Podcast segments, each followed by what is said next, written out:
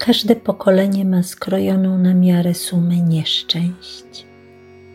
Ludzkość nie umie żyć bez ostateczności. Zbyt długo w szczęściu, bez widma zagłady. Póki można, żyjmy starym życiem. Realizujmy obrane cele, istniejące zobowiązania. Róbmy smaczne zakupy i jeszcze smaczniejsze potrawy. Myjmy włosy. Co na wypadek końca? Więcej pocałunków, przytuleń, więcej słów kocham. Stacja Sopot.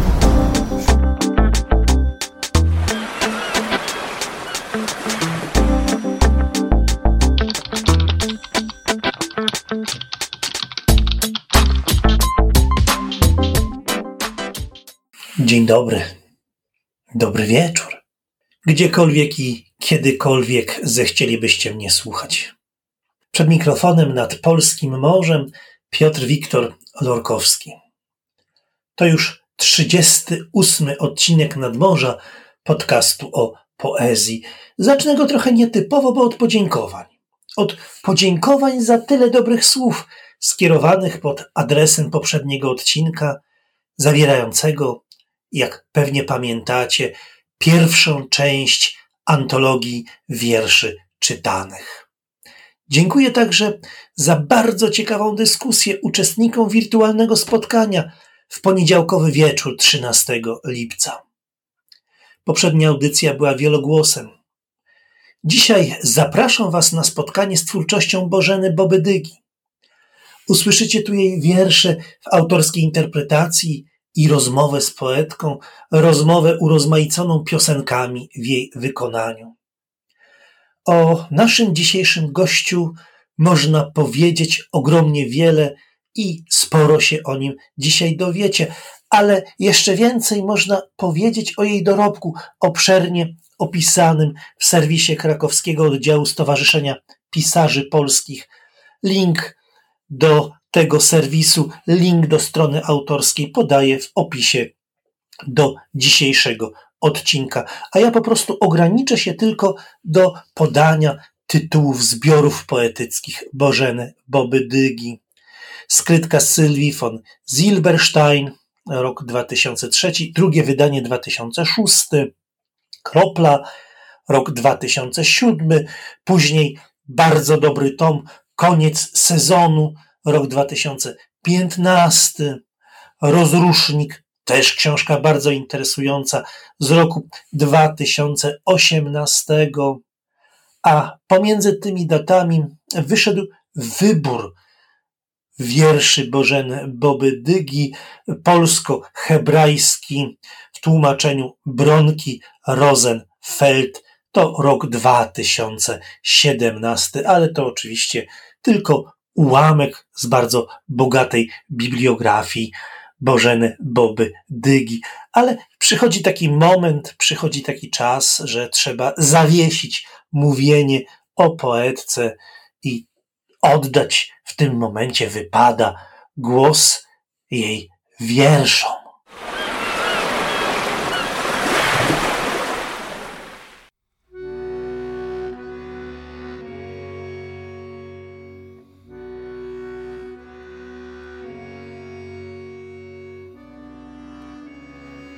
Wiersz bez tytułu. Pięknej kobiecie trudniej się starzeć, rozstać z giętkością włosów, jędrnością twarzy. Trudniej patrzeć na dłonie, jakby nie jej już lub niedługo. Gdzie ja jestem? pyta piękna kobieta z lękiem. To opakowanie mnie coraz mniej moje. Jestem coraz bardziej osobna, obca w sobie. Czy moje ciało i ja to ja? Jeszcze. Jak długo? Wiersz bez tytułu. Monika patrzy na mnie szeroko otwarta. Po dawnych wiekach mamy trwałość, murowaną kulturę Ich śmieci znikły w kompoście. Nasza kultura z karton gipsu. Mamy za to najtrwalsze śmieci, mówi Monika. Z cyklu wiersze pandemiczne.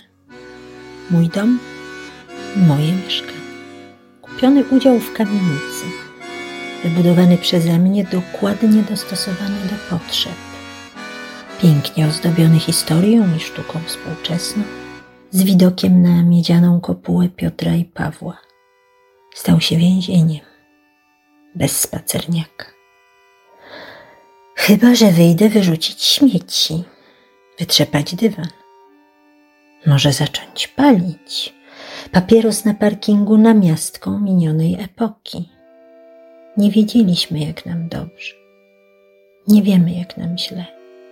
Nie wiemy, o ile może być gorzej. Zabija mnie moc sprzątaniem papierów na biurku. Nagle kwity z płatności kartą nabierają rangi relikwii. Dowód zapłaty za termy w Chochołowie. Znak, że tam byłam w tłumie nagich i szczęśliwych. Ocierałam się o ciała w ukropie, to znowu rozciągałam w basenie. Dowód zapłaty za wyciąg na bani. Niestraszny był tłum i ścisk w kolejce. Dowód zapłaty za apteki na ulicy Studenckiej. W głowie mi były ekologiczne kosmetyki, dbanie o wygląd. Dowód zapłaty za bilet kolejowy. Istniały podróże. Dowód zapłaty w owczarni. Chadzało się do restauracji. Papierowe ślady życia sprzed pandemii. Śmierć. Każdemu polecam. Ojciec Badeń.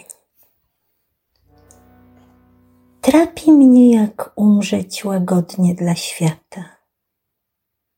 Nie zaśmiecić sobą łóżka, nie obrzydzić pokoju, nie nastraszyć domowników, nie zagracić ulicy, a jednak nie odchodzić w bezimiennej bieli szpitala samotnie w gąszczu plastikowych rurek, z dala od miłości. Trenna śmierć Andrzeja Wajdy i kota Mruczka. Dziś pogrzeb Andrzeja Wajdy w Krakowie i kota Mruczka w Krośnie. Andrzeja żegnają mądre słowa, kamery, tłumy przyjaciół i ciekawskich oraz tych, którzy chcą się pokazać i ci, którym wypada być. Mruczka przez chwilę wypatrywała kotka Kira. Na chwilę osowiał pies Jim. Chwilowo smucą się domownicy. Jak ma się śmierć mruczka do śmierci Andrzeja? Kim jest mruczek dla Boga? Kim Andrzej? Przeczuć nie mogę, jednak przeczuwam nieoczywistość.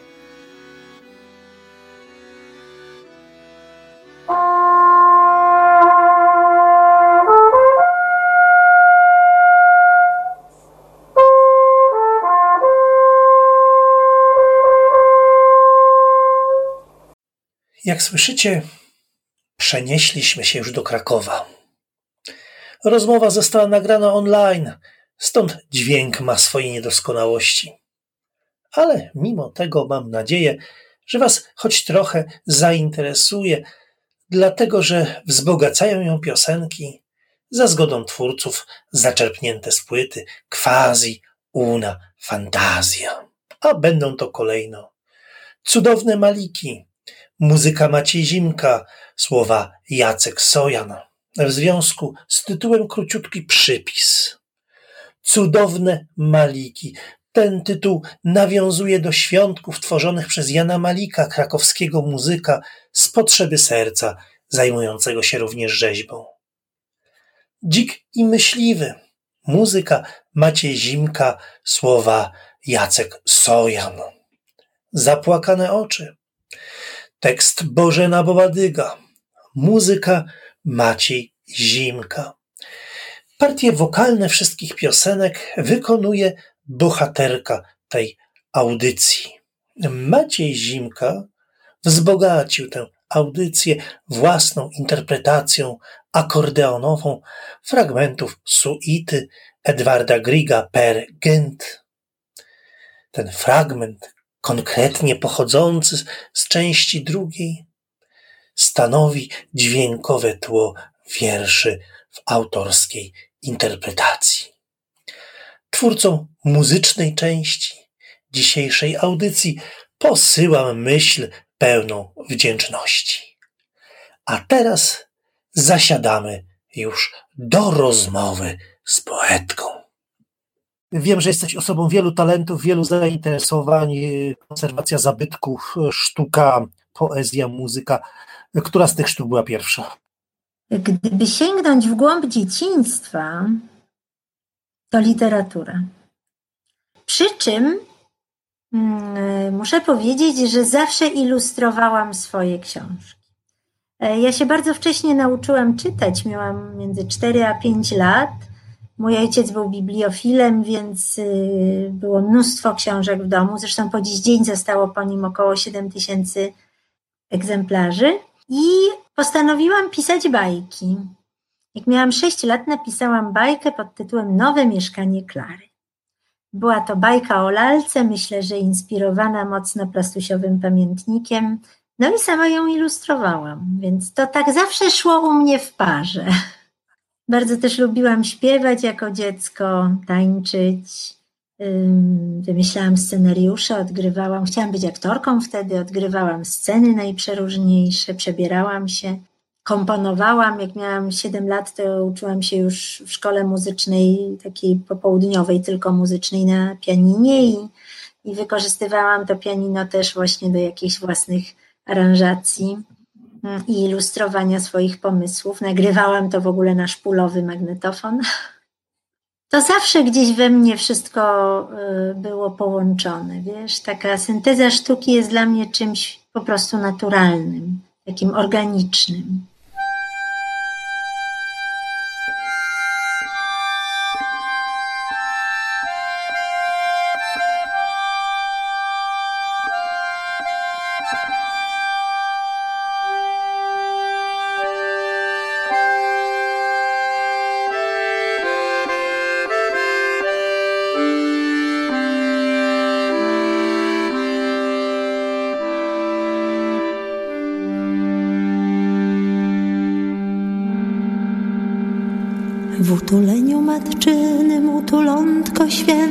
Jak biedronka na sukni z polskich pól wycięta.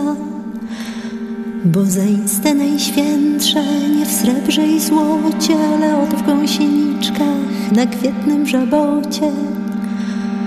Ale w bluszczach, co wznoszą cienistość pacierza i w świetlikach, co niosą świetlistość zbawienia. Majestatem pijane jagody i zioła Łaskoczą bose pięty pieszczocha kościoła A pod jego figlarnym paluszkiem juchasa Maleńka babia góra jak owieczka hasa. Jak się nie uśmiechnąć, roześmiać się trzeba Kiedy tyle na ziemi zasianego nieba. Nawet ogień to tylko wodospady miodów Co się sączą przez serca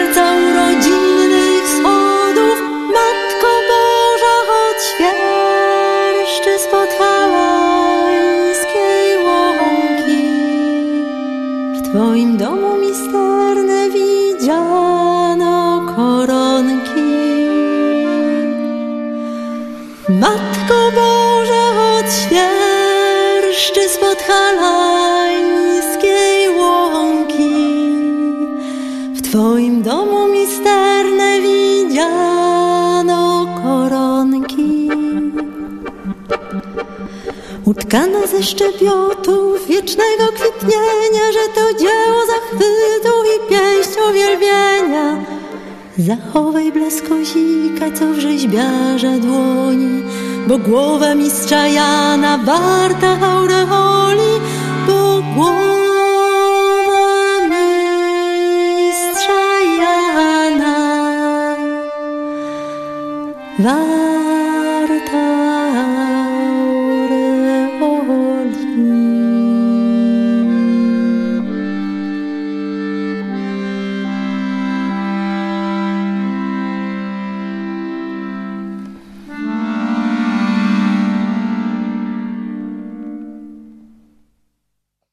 tobie te wszystkie rodzaje sztuki łączy? Czy jest jakiś taki zwornik? Czy to jest po prostu wrażliwość prywatna, indywidualna?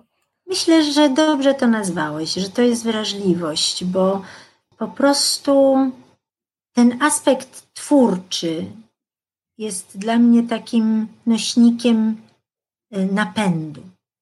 Właśnie o tym jest książka Rozrusznik. Ja się między innymi nad tym w tej książce zastanawiałam, co powoduje, że artysta tworzy? No myślę, że wrażliwość, że po prostu to, że jakby ten świat przemawia do twórcy wieloma kanałami. Poprzez obraz, poprzez dźwięk, poprzez y, zdarzenia, refleksje.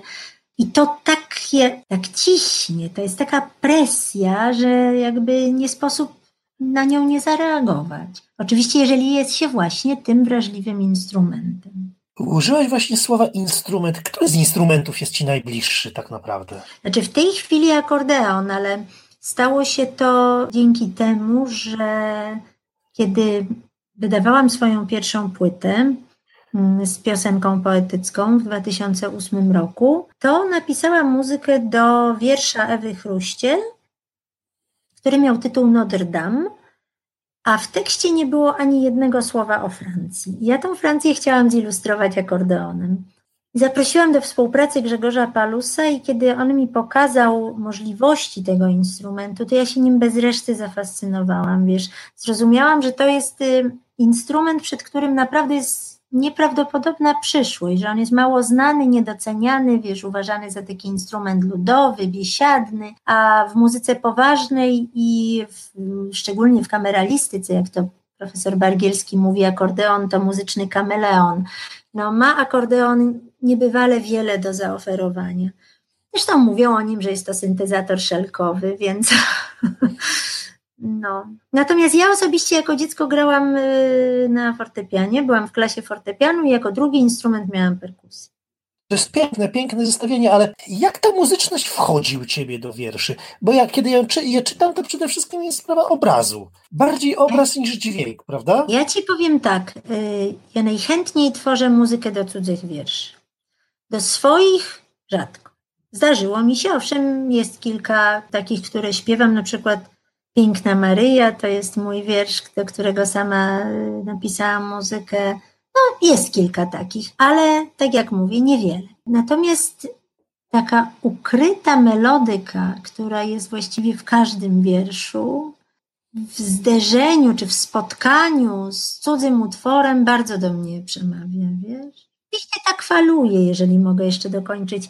Są momenty, kiedy, kiedy wiersze bardzo do mnie muzycznie y, się zwracają, ale na przykład teraz to nie jest ten czas. Miałam taki okres właśnie yy, pierwsza dziesiątka lat dwutysięcznych, że prawie każdy wiersz mi grał w głowie.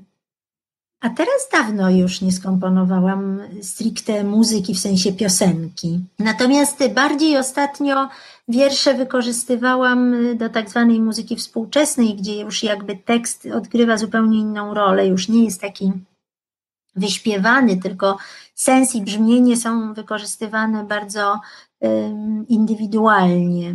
Mm, właściwie y, można powiedzieć, że następuje nawet pewnego rodzaju separacja tych aspektów, że właściwie głos jest instrumentem, prawda? Takim samym jak wszystkie inne instrumenty, a treść żyje sobie niezależnie. Właśnie Cię chciałem zapytać, na ile, czy, czy to już tak czuję mniej więcej intuicyjnie, ale na ile właśnie przemawia do Ciebie melodyka cudzych wierszy?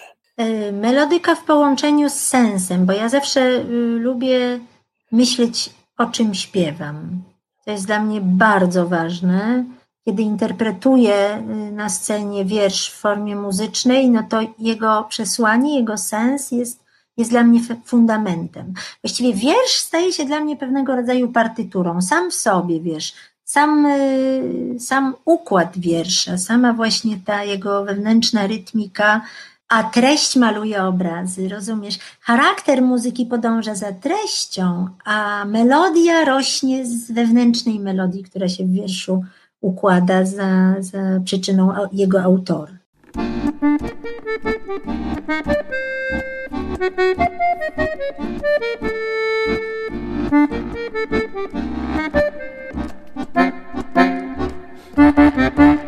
Był sobie dzik i był myśliwy, kiedy myśliwy szedł do lasu, do myśliwego biblioteki. Dzik się zakradał i z atlasów pożerał wiedzę nauk wszelkich.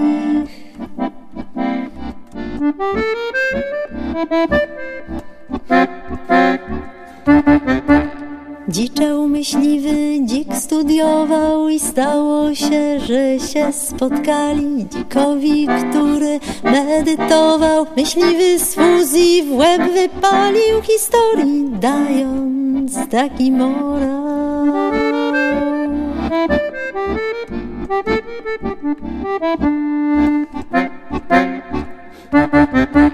Żyj wedle miejsca i natury, gdyby dzik brał się do lektury strumieni wiatrów, puli lasów, to dziś wytropił go myśliwy dla pana salon dla psa łańcuch.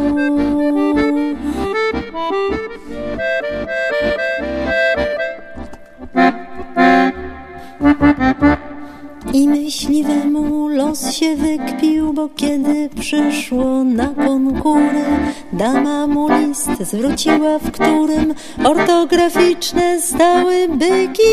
Pan mnie miłujesz przez z więc ucz się moich, dzielę łaską. I rzekła przy tym byk w oborze ma swoje miejsce, a pan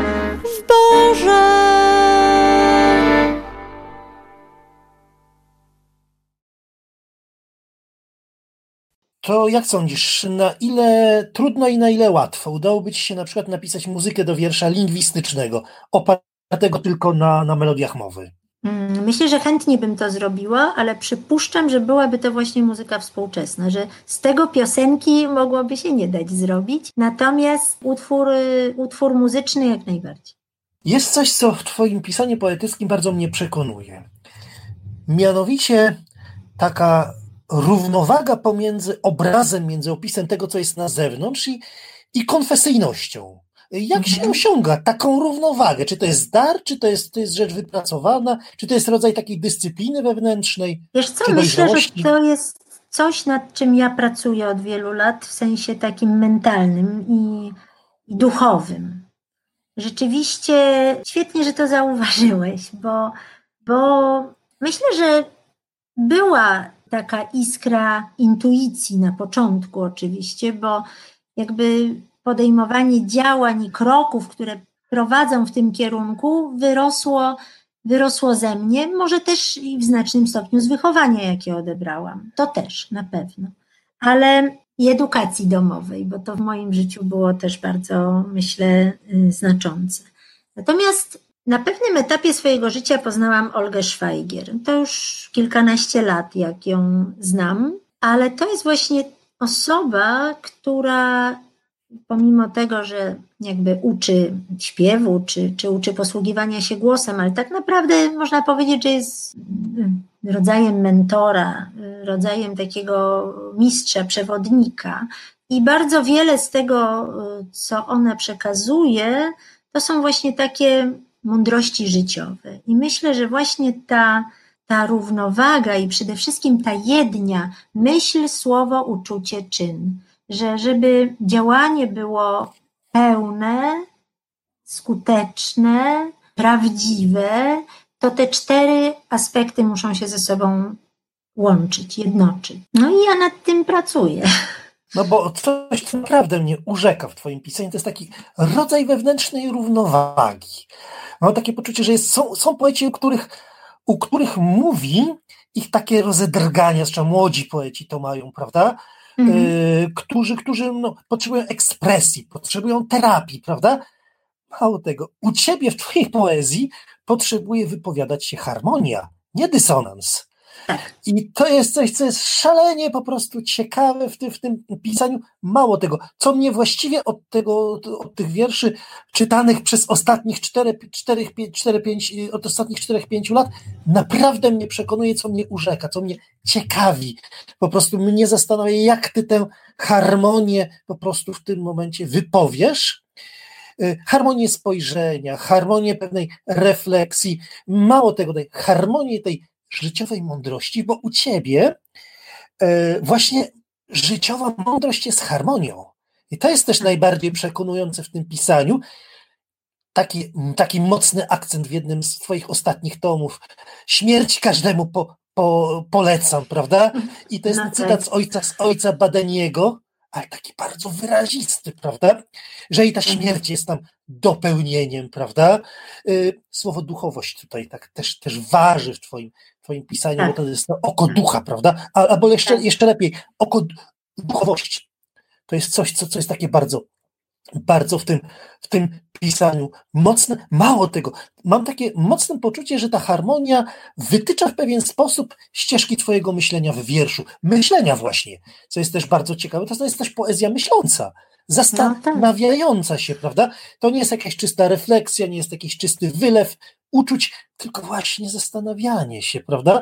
Tylko, tylko właśnie po prostu w ten sposób e, przypuszczanie, tak, także przez ten, przez ten filtr nie tylko zmysłów, ale poprzez, poprzez filtr e, intelektu, intelektu.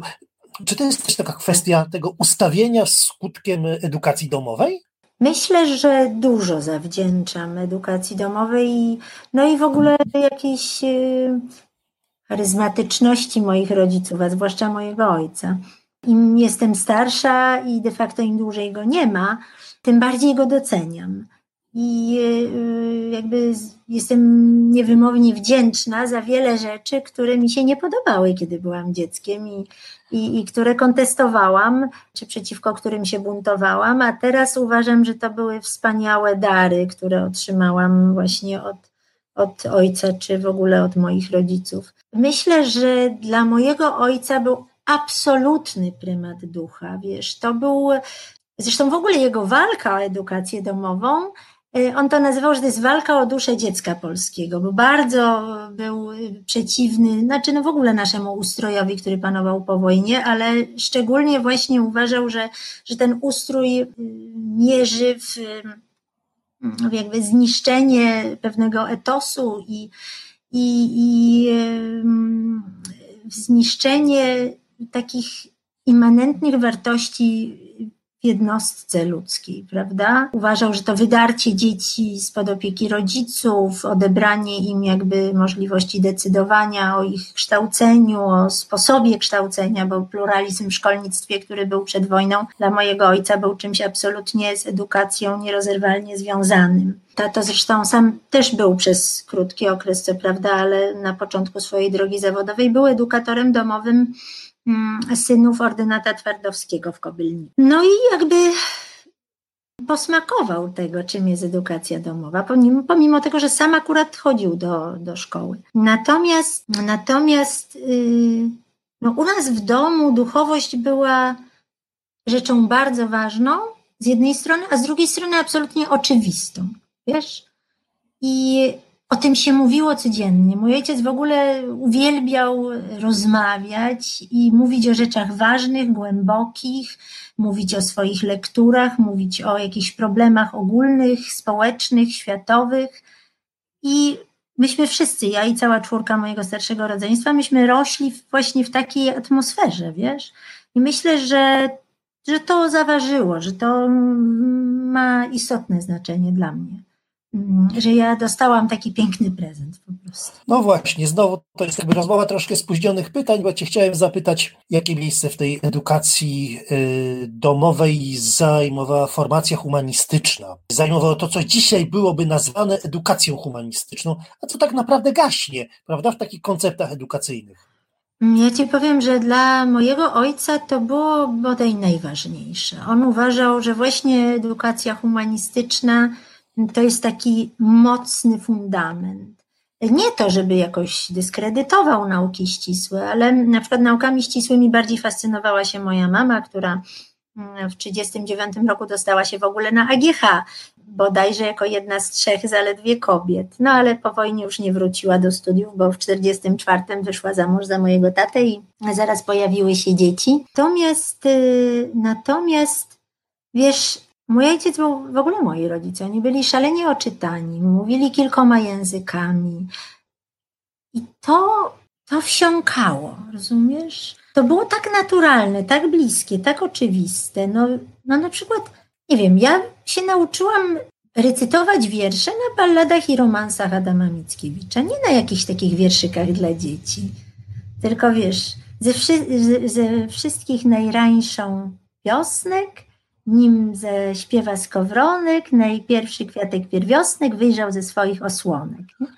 E, albo wiesz, nam strzelać nie kazano. Wstąpiłem na działo i spojrzałem na pole dwieście harmat grzmiało. Artylerii ruskiej ciągną się szeregi prosto, długo, daleko, jako morza brzegi. I widziałem ich wodza. Przybiegł, mieczem skinął, jak ptak jedno skrzydło wojska swego zwinął. Wylewa się spod skrzydła ścieśniona piechota długą, czarną kolumną, jako lawa błota, nasypana iskrami bagnetów. No, nasz tata uwielbiał recytować poezję, rozumiesz? Uwielbiał. I codziennie ją chyba recytował. To jest, to jest po prostu dla mnie takie naturalne wspomnienie dzieciństwa. Ciągle wiersze, ciągle y, książki historyczne, ciągle książki filozoficzne. Mówisz o tej mojej poezji, że ona jest taka myśląca. Kiedyś jeden z krytyków, wyobraź sobie na Ukrainie, Jewchen Baran, bodajże profesor ze Stanisławowa, czyli z obecnie Iwano-Frankiwska, on właśnie mnie zakwalifikował w jakiejś swojej y, krytyczno-literaturoznawczej książce, że jestem poetką filozoficzną. Bo to rzeczywiście jest trochę tak, że dla mnie poezja to jest też taki sposób na przekazywanie filozofii. Nie lubię pisać o niczym, wiesz. I, i nawet w tych takich krótkich słowach, gdzie wiesz, niektórzy mówią, a, że, że, że takie akwarelowe, no one są bardzo intertekstualne, nawet te krótkie. I właśnie trzeba dużo przeczytać, dużo różnych informacji mieć z różnych dziedzin, żeby tak naprawdę te wszystkie konteksty wyłowić i, i wiedzieć, o co w tym, w tym tekście, w tym wierszu chodzi. Masz jakiegoś swojego filozofa? Ulubionego? Wiesz co, tak mi się nasunęło w tej chwili pierwsze, że bardzo cenię Kłoczowskiego. On o takich nieprostych sprawach mówi w bardzo prosty sposób. No, wiesz, długo można byłoby greckich filozofów bardzo cenię, no świętego Augustyna, ach, no, no, no długo by wy, wymieniać, wiesz, ale, ale czy mam jakiegoś takiego szczególnie ulubionego, za którym bym poszła w całej rozciągłości, to chyba nie, wiesz. Mam takie spojrzenie, że różnych myślicieli różne pierwiastki mi się podobają. A na przykład mój ojciec bardzo lubił Lutosławskiego, z którym się zresztą przyjaźnił.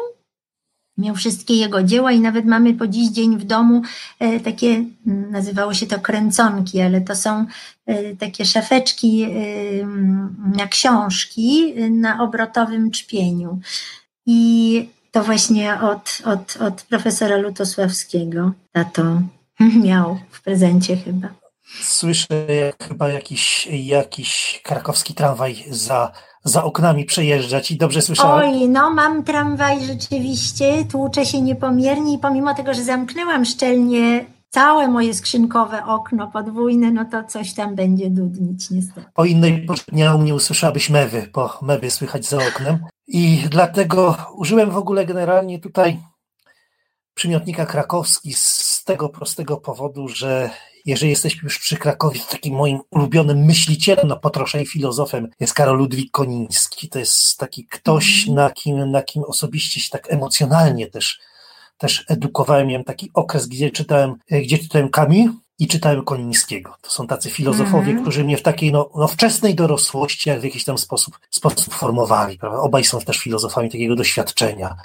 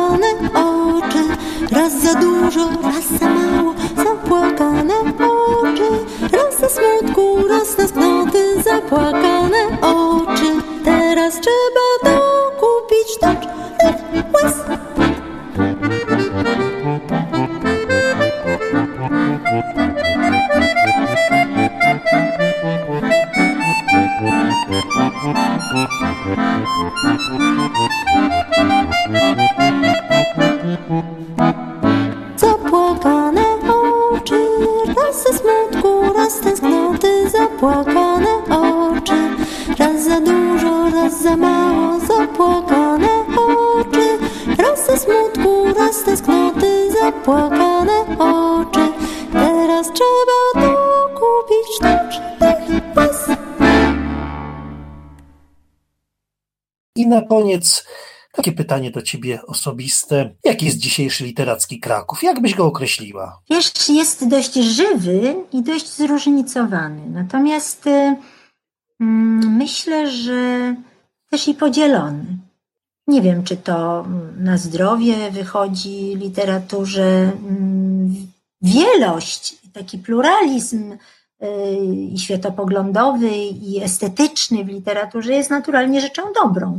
Natomiast ten dość taki głęboki podział na to środowisko związane ze Związkiem Literatów Polskich, y, Stowarzyszeniem Pisarzy Polskich i jeszcze gdzieś y, trzecia, trzeci filar, czyli ci niezrzeszeni nigdzie, którzy, którzy jakby troszeczkę się dystansują w ogóle od stowarzyszania się. Może trochę szkoda, może y, łatwiej byłoby, zwłaszcza w tych ciężkich czasach dla literatury i sztuki, Łatwiej byłoby, gdyby środowisko było jednak bardziej zintegrowane i nawzajem się wspierało i, i, i po prostu, no, no właśnie, jakby mm, współdziałało bardziej. Ale to linie podziału przebiegają po prostu tutaj instytucjonalnie, czy, czy to są raczej podziały, nie wiem, estetyczne na przykład? Myślę, że to są podziały takie wielopłaszczyznowe, wiesz, bo z instytucjonalnych wynikają też podziały towarzyskie. Jeżeli chodzi o estetykę, no to y, no też, też, też. Też można tutaj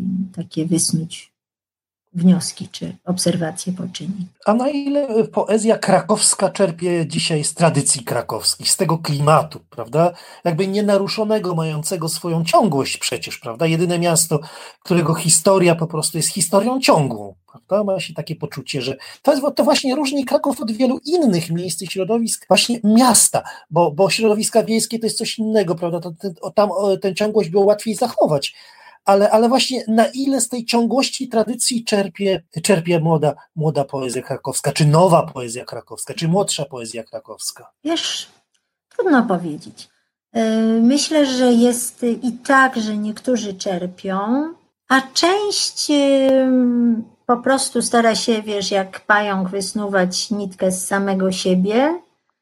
Część ludzi jest też chyba, wiesz, zafascynowanych jakby globalną wioską i, i tutaj Kraków dla nich nie ma znaczenia. No są tu, bo akurat są tu, ale, ale jest myślę dużo au- autorów, którzy się z Krakowem identyfikują, którzy o Krakowie piszą, którzy do jakiejś historii Krakowa i, i jego postaci też z nim związanych y, nawiązują i, i jakoś kontynuują taką rozmowę, by się powiedziało, może rozmowę wierszami, rozmowę międzypokoleniową, czy nawet międzyepokową.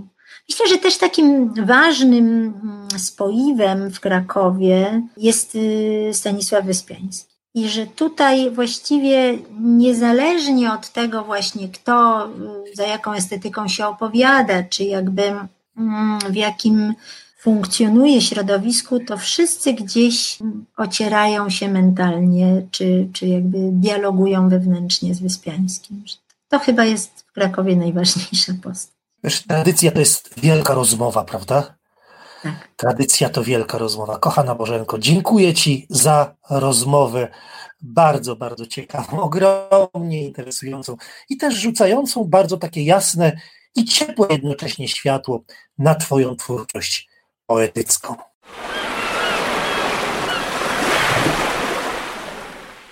Także w ostatnich tygodniach wydawcy i autorzy zechcieli mnie obdarować swoimi książkami.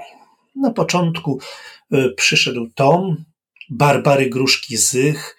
Nie chciałem ci tego mówić, wydany nakładem wydawnictwa Śląsk w Katowicach. Później książka Zbigniewa Milewskiego, bardzo ciekawa, Co zmarszczył czas. To już wydawnictwo Astra, Łódź, 2019. Pewną osobliwością tej książki jest to, że jest to edycja polsko-angielsko-chińska, co przyznacie, zdarza się dosyć rzadko. I kolejna osobliwa, warta poznania, no, przeczytania i obejrzenia książka, właściwie album poetycko-fotograficzny Anna Błasiak, wiersze Liza Kalu, fotografie, a tom nosi tytuł Kawiarnia przy St. James Wrena w porze lunchu. Y, edycja Stowarzyszenia Żywych Poetów Brzeg 2020. Grzegorz Malecha obdarował mnie swoją książką Metonimia. Wydawnictwo związane z fundacją, duży format, oczywiście wydawnictwo warszawskie, rok 2019, a dodatkowo w postaci elektronicznej dotarły do mnie trzy zbiory poezji Anny Tlauki, Proscenium, Kobieta, Raz, Dwa i oraz Odsłanianie Światła. Oczywiście wszystkie te książki będę gdzieś woził w swoim wakacyjnym bagażu, kiedy będę sobie wędrował po różnych, dosyć bliskich zresztą zakątkach w lecie, obecnym lecie, w bieżącym lecie, ponieważ zaczynam za kilka dni wakacji, a podczas kiedy wy będziecie słuchali tej audycji, ja już będę pracował nad następną częścią letniej antologii wierszy czytanych, zaplanowaną na drugą dekadę sierpnia. Zapraszam wszystkich na swój profil Instagramowy. Zapraszam także do poszukania nadmorskiej grupy na Facebooku. Wszystkich tych, którzy jeszcze do tej grupy się nie zdążyli zapisać, a linki oczywiście znajdują się w opisie do dzisiejszego odcinka. Dodam jeszcze, że nadmorze można znaleźć obecnie na serwisach Anchor i Spotify. Niech sprzyja Wam natchnienie potrzebne do tworzenia wierszy, ale potrzebne także do ich lektury. Jeśli macie ochotę, podzielcie się swoimi wrażeniami z odsłuchania tego odcinka, choćby w komentarzach na naszej facebookowej grupie. Kochani, do usłyszenia z nad polskiego morza, z Sopotu mówił do Was Piotr Wiktor Lorkowski.